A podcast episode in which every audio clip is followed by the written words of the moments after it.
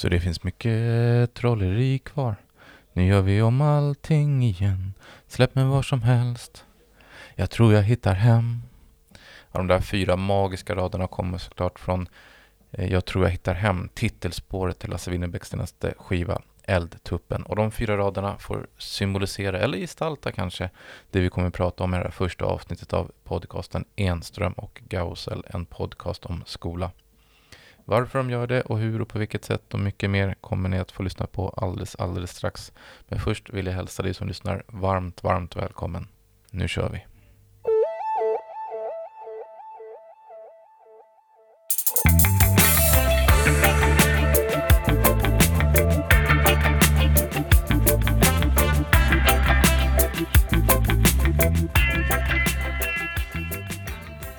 Och det ni är välkomna till är ju såklart piloterna av podcasten Enström och Gausell. Och Enström och Gausell, det är jag, Daniel Rössle Gausell, som sitter här och tillsammans med Anders Enström. Hej Daniel! Hej! Välkommen säger jag. Tack så hjärtligt, vad kul att vara här. Ja, nu får det låta som att, jag är din, att du är min gäst. Så är det ju inte. Nej, så är det inte. Vi gör det ihop, tillsammans. Väldigt mycket ihop. Ehm, och, men vi kommer fokusera ganska mycket på dig och vi kommer strax in på varför vi kommer fokusera på dig. Oj. Så. Ehm, men vilka är vi då? Kan du dra en snabb biografi? På dig eller på mig? Ehm, du kan dra på dig själv. Jag tror att det är enklast. Vad roligt. Eh, jag är 48 år, jag fyller snart 49 faktiskt. Eh, lärare i sedan 17-18 år tillbaka. Eh, jobbar nu på LIN. Men 7 januari så står jag igen i klassrum. Och det är det som är spännande. Kanske lite därför vi sätter igång den här podden just nu är ju för att du hamnar i ett klassrum.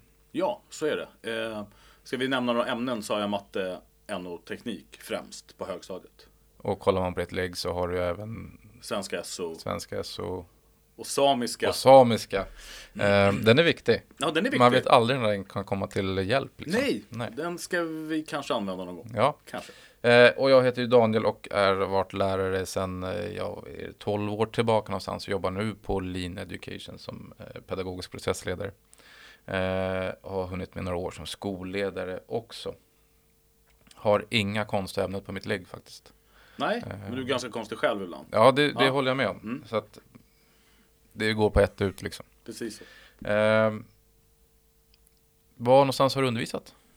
Eh, jag har främst jobbat i Skogås. Ja, Eh, nästan hela tiden. Eh, och framförallt på det som hette Skogåsskolan. Men bytt namn till Östra grundskolan. och där, och där någonstans finns grunden till att du jobbat mycket med digitalisering inom skolan, om vi ska använda det uttrycket. Ja, för det var där vi digitaliserade Östra grundskolan. Ja, egentligen från F till 9 faktiskt. Men då hade vi en syskonskola som hette Sjötorpsskolan som var F till 3, 4, 5. Och sen så tog Skogåsskolan eller Östra grundskolan över sen från femman till nian. Ja. Och jag har jobbat mestadels inom Huddinge kommun och Ja. ett par år tillsammans med dig på Östra grundskolan. Just det, så det, du var biträdande när jag var där? Ja, jag var din chef. Eh, nej, det var du inte. Ja, men det har vi kommit överens om att jag var din chef. nej, aldrig. Eh, Så det är bra. Och det märks även i förhållandet framöver här att det är jag som är chefen och Anders som är eh, arbetstagaren, kallar vi honom Daniel för. tro det. Ja, det blir jättebra. Ja, det kommer det bli. Eh, det är lite mer om vår bakgrund och vi, och vi har känt någonstans att vi eh, vill nå ut mer med hur vi tänker kring lärande framförallt, hur vi tänker kring skola. Men när vi, och jag ska vara transparent nu som det så vackert heter, när vi bägge två jobbar på Lean så kanske många kopplar ihop det med att vi bara vill sälja iPads. Just det. Eh, och det är inte alls vårt syfte här och nu. Nej, tvärtom skulle jag säga kanske. Ja, utan vi vill få eh, skolor i alla dess liksom, nivåer att börja tänka lärande på ett sätt som möjliggör för fler elever att lyckas. Precis så. Och det är särskilt viktigt nu i den här debatten som pågår. Mm. Eh, med, eh, med att, inte, att många hävdar att det inte fungerar. Medan några andra hävdar att det fungerar. Ja, och börjar man kolla ganska mycket som vi gör, eh, eftersom vi är både flitliga eh, sociala medier-läsare eh, och ibland även deltagare, så finns det mycket rapporter, mycket forskning på olika nivåer, men det finns även mycket liksom, debattinlägg och tyckare av olika slag. Eh, allt från lärare till skolpolitiska experter. Ja, det kan man väl säga att det gör. Eh, och det är ju bra att debatten lever. Mm. Och det här är vårt sätt att göra ett in, inlägg där. Just det. Eh, och det har till och med gått så långt att jag har tagit bort Twitter. Ja, Eh, just på grund av det. Det blir, en, det blir en konstig, ett konstigt debattklimat. helt klart. Man är helt klart mer beredd på att hoppa på folk än att man är beredd att liksom ta samtalet. Mm.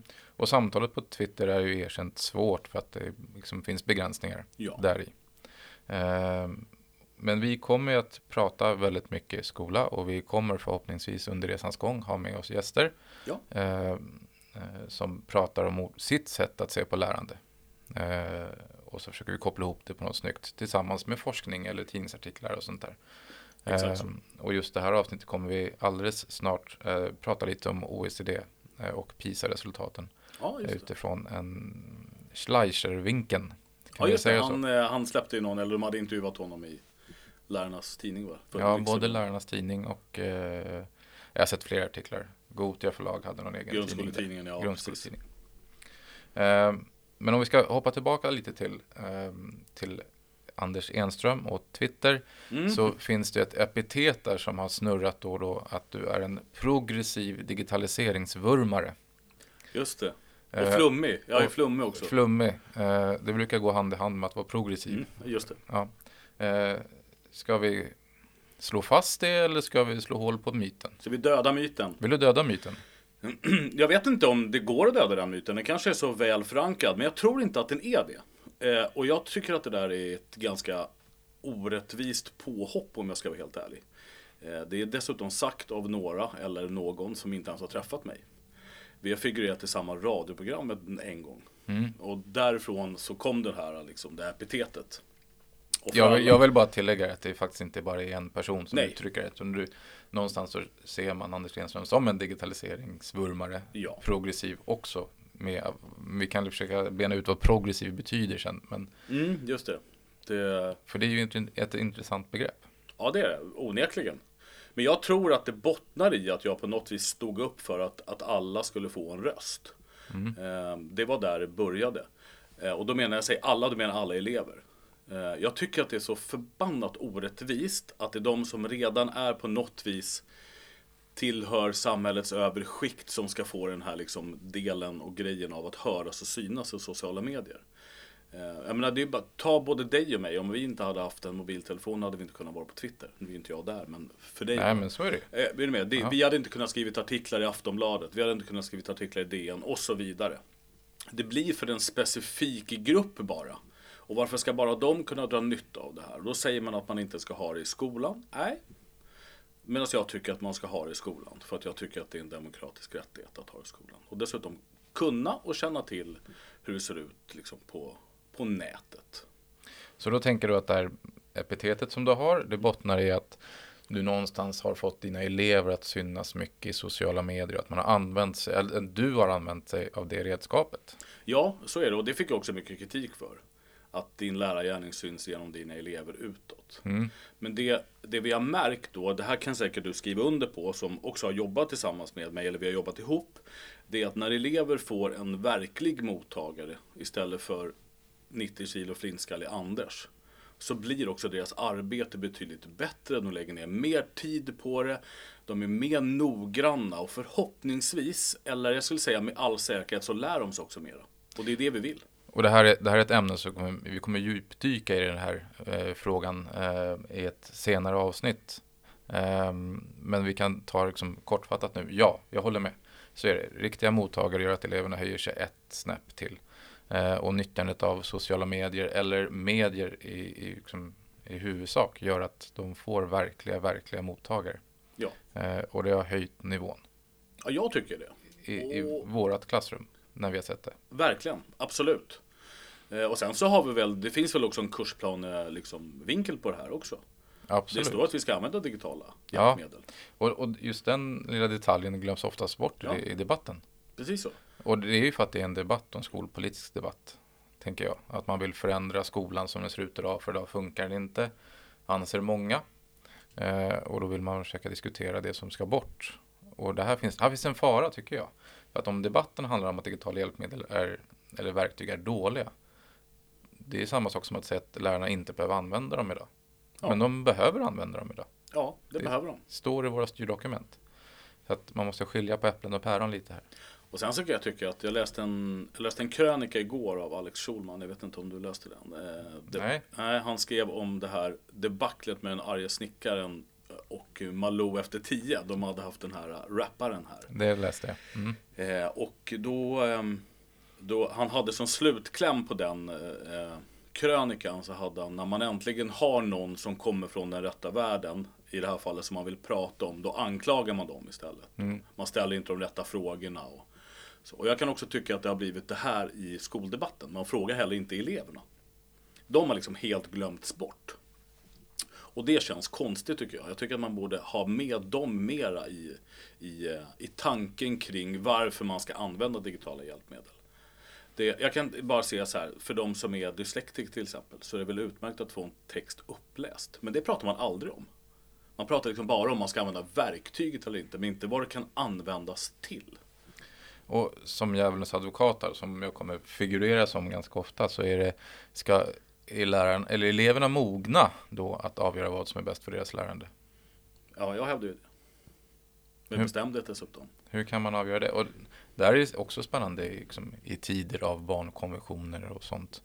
Eh, hur kan vi få våra elever att bli mer liksom, lyssnade på det? Mer, dessutom så behöver de bli mer självmedvetna. Mm. Jag tror absolut att man ska släppa över ansvaret till elever. För att det handlar inte om elever, det handlar om människor. Eh, Att säga elever, det är lite som att man liksom rackar ner på dem att de är lite mindre värda. Jag tycker att det är våra liksom medmänniskor eller våra liksom kompisar. Och då tycker jag att det är viktigt att vi hjälper dem att hitta en väg till att använda de digitala verktygen så att det hjälper dem. Om man som lärare har tappat ledarskapet i klassrummet, ja då tror jag att det blir svårt. Men jag tror att man kan vara både ledare och liksom en eh, kompis inom vissa gränser såklart. Men framför allt så kan man vara någon som hjälper dem att ta steg framåt. Det är våran uppgift idag. Inte att säga åt folk att vara tysta och sitta still. Det känns 30-tal. Det, det finns mycket där som du säger nu som vi skulle kunna bena ut och slå Ja. hål på. Och som tur är så ska vi göra det här till en programserie. Så Ja. att vi kan ta eh, ett helt avsnitt om vad kompisbegreppet kan innebära. Ja. Såklart. För Men du, det kommer säkert folk att hänga upp sig på nu. alla gånger. Ja, Alla gånger. spännande. Ja. Men Sen försökte du förtydliga med kompis i vissa ramar. Ja. Ja, vi får se om det hjälps överhuvudtaget att du Nej, det tror jag inte. Nej, Det tror jag. Och mejlar gör man till enström och gmail.com. bara att köra. Ja. Ja, Anders läser allt. Svara på allt. Ja, bra. Eh, så här, jag tänkte vi skulle köra en liten eh, bumper där.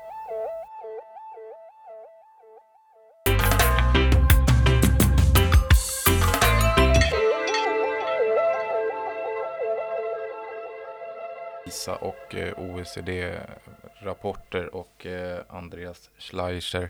Eh, dina spontana tankar? Spännande, skulle jag säga. Eh, Mycket av det vi har kanske inledit podden med, eller inlett podden med idag, handlar ju precis om det som han pratar om eh, och som PISA-rapporten också visar. Det som är problemet tycker jag, det är att man vi har redan varit inne och snuddat på det lite, det är lite Twitter-debatter och så vidare och det, det är säkert debatter på andra sociala medier också. Eh, och i tidningsartiklar och så. Det som, man, det som man gör det är att man väljer ut den forskningen som passar en själv. Så kallad cherry picking. Yes. Och det, det kan jag tycka är liksom helt okej. Eh, Det har jag också gjort i min bok. Då har jag också valt den som passade just mitt syfte i det. Det är inget konstigt i sig. Det som blir konstigt det är att när den forskningsrapporten som folk pekar på och tar ut citat ur, att när det inte duger för någon annan, alltså duger inom citattecken då. Då blir, det, då, blir det en konstig, då blir det en konstig grej. Och jag tror att man kan både, att man kan såklart välja vilken forskningsdel man vill plocka ut och titta extra på. Men jag tror inte dock att man ska hålla på och peka ut andra som att de plockar ut fel delar ur den. För forskningen är ju, det här vet ju alla om som jobbar inom skolans värld eller som har någon forskningsanknuten roll i samhället. Det är att forskning kan ju också förändras över tid. Det man kom fram till idag kanske inte gäller om tre år. och Det man kom fram till för tre år sedan gäller inte idag. Nej, men det, det måste vi vara överens om att forskningen, eh, ju mer rapporter kommer fram och ju mer som händer i samhället och ju mer som händer liksom, i skolan så blir ju forskningen väldigt snabbt förlegad. Ja. Så. Eh, och dessutom väldigt eh, kontextbunden skulle jag vilja säga. Onekligen. Onekligen. Och då att, då att liksom backa tillbaka och hela tiden skylla på de progressiva, flummiga pedagogerna till att vi har backat i PISA-undersökningen som man har gjort. Mm. Eller PISA under, ja, PISA-rapporten. Det har man ju varit snabb att påpeka på. Det är för att den flummigheten har funnits i skolan och så vidare. Och sen så ökar man då i PISA-resultaten. Och då backar man tillbaka och säger att ja, det är tack vare att vi gjorde så här för ett visst antal år sedan. Då blir det väldigt konstigt. Och den, den ställningen, jag fixar inte riktigt den. Jag tycker att den är märklig.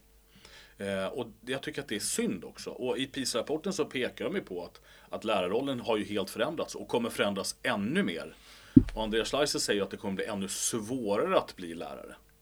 Ja, att vara lärare i alla fall. Just det. Minst sagt. Ehm, jag tycker om det här citatet, om man ska lyfta fram någonting från det han säger, så, eh, så säger han så här. Vi vet inte vilka kunskaper, vilka förmågor framtiden kommer kräva, men sociala och emotionella förmågor kommer alltid att vara viktiga. Mm. Och om vi då har en skola som bara riktar sig mot kunskaps och kunskapsinhämtandet och liksom uppvisandet av kunskaper, vad ska de lära sig sociala och emotionella kunskaper eller förmågor? Ja, det blir ju konstigt om man, om man jag kan tycka att, att läraryrket idag är ju väldigt det är ju komplext. Det kanske är en av världens mest komplexa yrken. Att säga då att vi bara ska göra det eller det, det ena eller det andra, det blir väldigt konstigt. Jag tror att en mix av det här, jag har aldrig, liksom, jag har aldrig sagt att katederundervisning är något dåligt. Utan snarare tvärtom. Jag har till och med tyckt att det varit grymt bra i vissa delar. Men sen måste man också kunna vända på det och tänka att mm, men att jobba kanske med digitala verktyg och skapa någonting kan också vara bra för eleverna. Så att det ena utesluter inte det andra. Men här har det verkligen bildats två spår. Det är verkligen svart eller vitt liksom. Antingen så undervisar du från katedern eller så är du bara liksom vurmare för digitaliseringens former. Ja, men, och nu utgår du lite ifrån det som, som märks i, i Twitter-flödet Flödet. Ja. såklart. Och där blir det väldigt svart eller vitt. Ja. På grund av formen igen, tänker jag. Ehm, och de få röster som ändå hörs där. Mm. Så.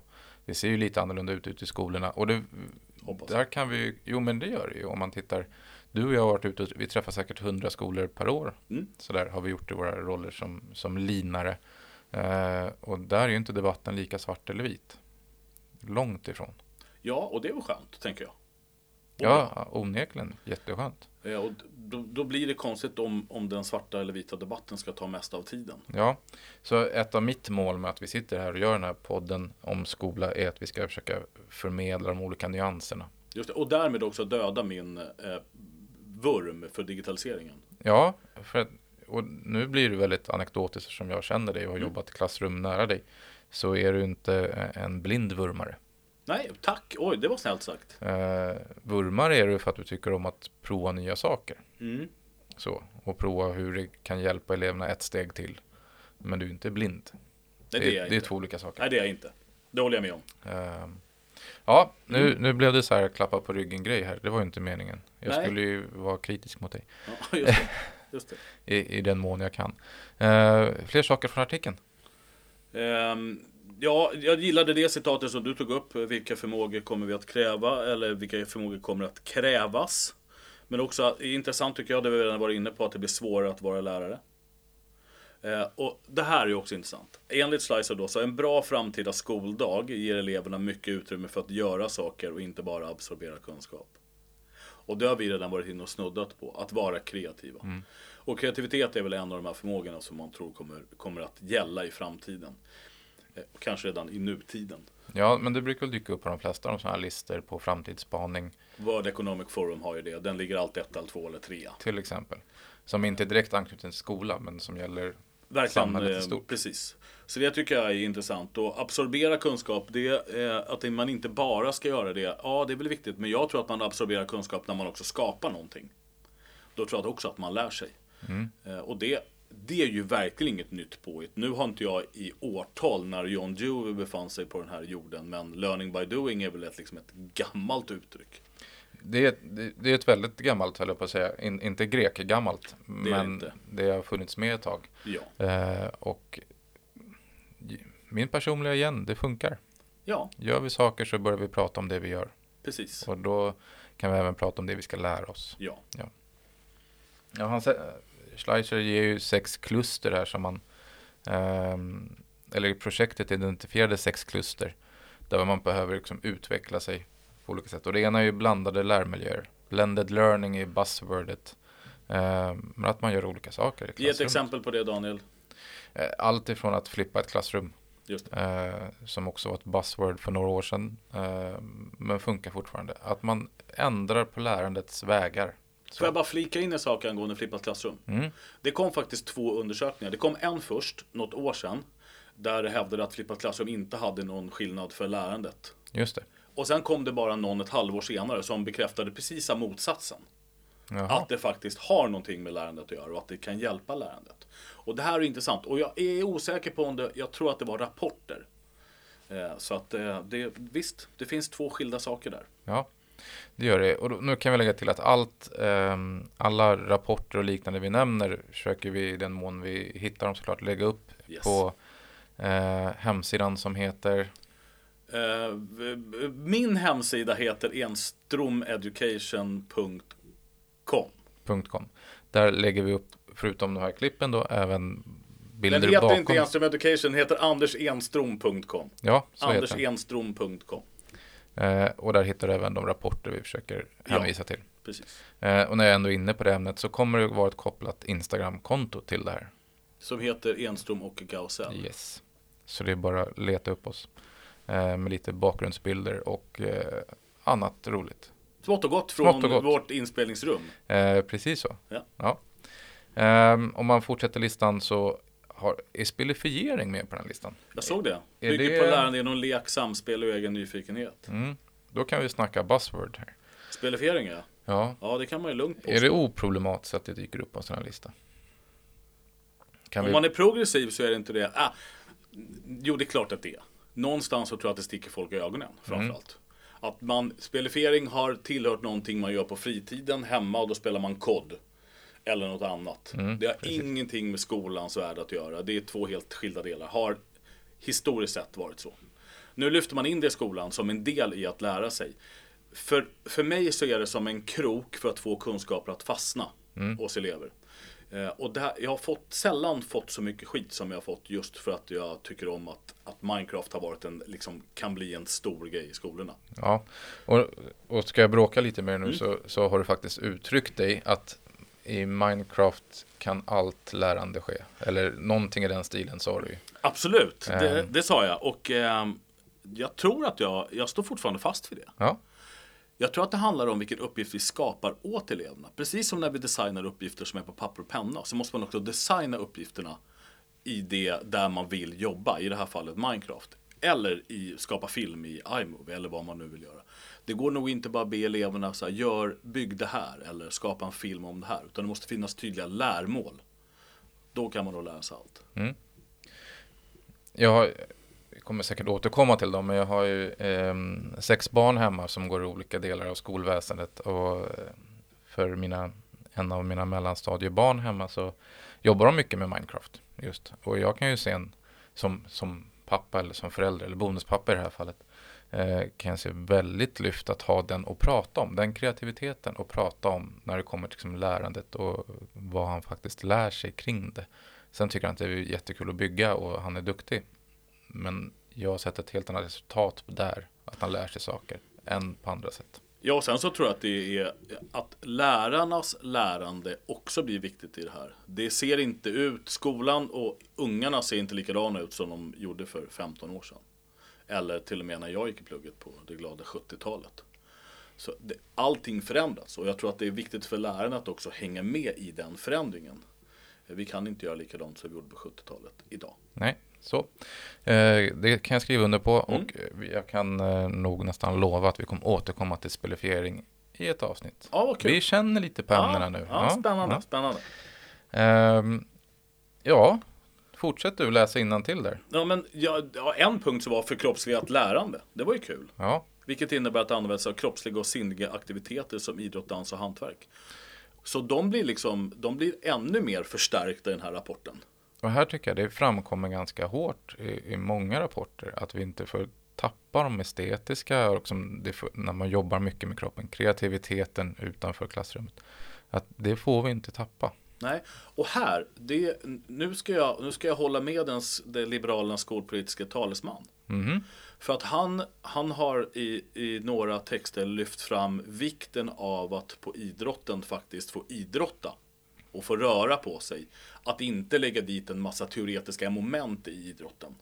Där har han en bra poäng tycker jag. För jag kan tycka exakt likadant. När man kommer till idrotten så ska man få röra på sig. För man behöver röra på sig. Absolut. Eh, Så det känns jätteviktigt. Eh, Så den tyckte jag var, den var, det var kul att den kom med. Och att hantverk inte heller dör ut. Men vet du att hantverk kan också vara att skapa film? Just saying. Just saying. Och hantverket kanske förändras över tid. Så Förmodligen. förmodligen gör det det. Eh, mm, härligt. Datalogiskt tänkande är med såklart. Ja. För det är ju vägen mot programmering. Det tror jag inte att vi kommer komma ifrån i de här rapporterna heller. Nej, det kommer vi inte göra. Eh, och sen är det någonting som har att göra med, som är ett jätteklurigt engelskt ord som eh, vi skriver ut det på, på Instagram. För det är någonting med multiliteracies. Ja, Eh, snyggt! Jag är ganska Ja, nöjd med den faktiskt. Ju. Ehm, och det handlar helt enkelt om att kunskapen vi har måste vi in i, liksom, i en kontext, och i det här fallet politisk och kulturell kontext. Ja. Ehm, och att inte tappa, um, varit mycket, läroplanen som vi ser idag har fått mycket skäll för att vi bara lär ungar att bladdra. Det. utan att sätta in det liksom i, med kunskap. Ehm, jag hävdar ju motsatsen att det går, inte, det går inte att bladdra om du inte har kunskap om ämnet. Så vi måste lära oss ämnet först. Eh, för att det ska ge någon liksom, botten och tyngd i det vi pratar om. Och att de tar upp det här är för mig jätteviktigt som ja, det gäller väl alla lärare, men som SO-lärare. För där, det är det ämnet som har fått mest skäll för att Smäll bladdra. på fingrarna. Ja, för att bara vara ett bladderämne. Ehm, men det blir ju helt irrelevant om vi inte kan bladdra om rätt saker. Onekligen. Eh, och det, är väl, det, det har väl inte någon av oss, trots att jag har fått den, den, den lite mer orättvisa stämpeln på mig att vara progressiv och flummare, så har vi väl aldrig, vare sig du eller jag eller någon annan som vi har träffat som är lärare, sagt att faktakunskaper inte är viktiga. De är fortfarande viktiga. Det finns andra sätt att träna på faktakunskaper än att läraren ska använda sig av fontanellpedagogiken. Det är mer det vi vill liksom lyfta upp tror jag. Ja. Och bara en snabb check då. Är digitala verktyg nödvändigt? Ja. Finns det inte andra sätt vi kan förändra lärandet på? Jo, det gör det, absolut. Men digitala verktyg är ett av dem. Mm. Men framförallt förhållningssättet till elever. Precis. Och förhållningssättet till lärande. Vad innebär lärande? Vad betyder lärande? Vad är lärande? Det tycker jag också att vi behöver titta lite extra på. Det kanske vi ska grotta i i något program Jag tror att också. vi kommer grotta ganska mycket i det. Snyggt.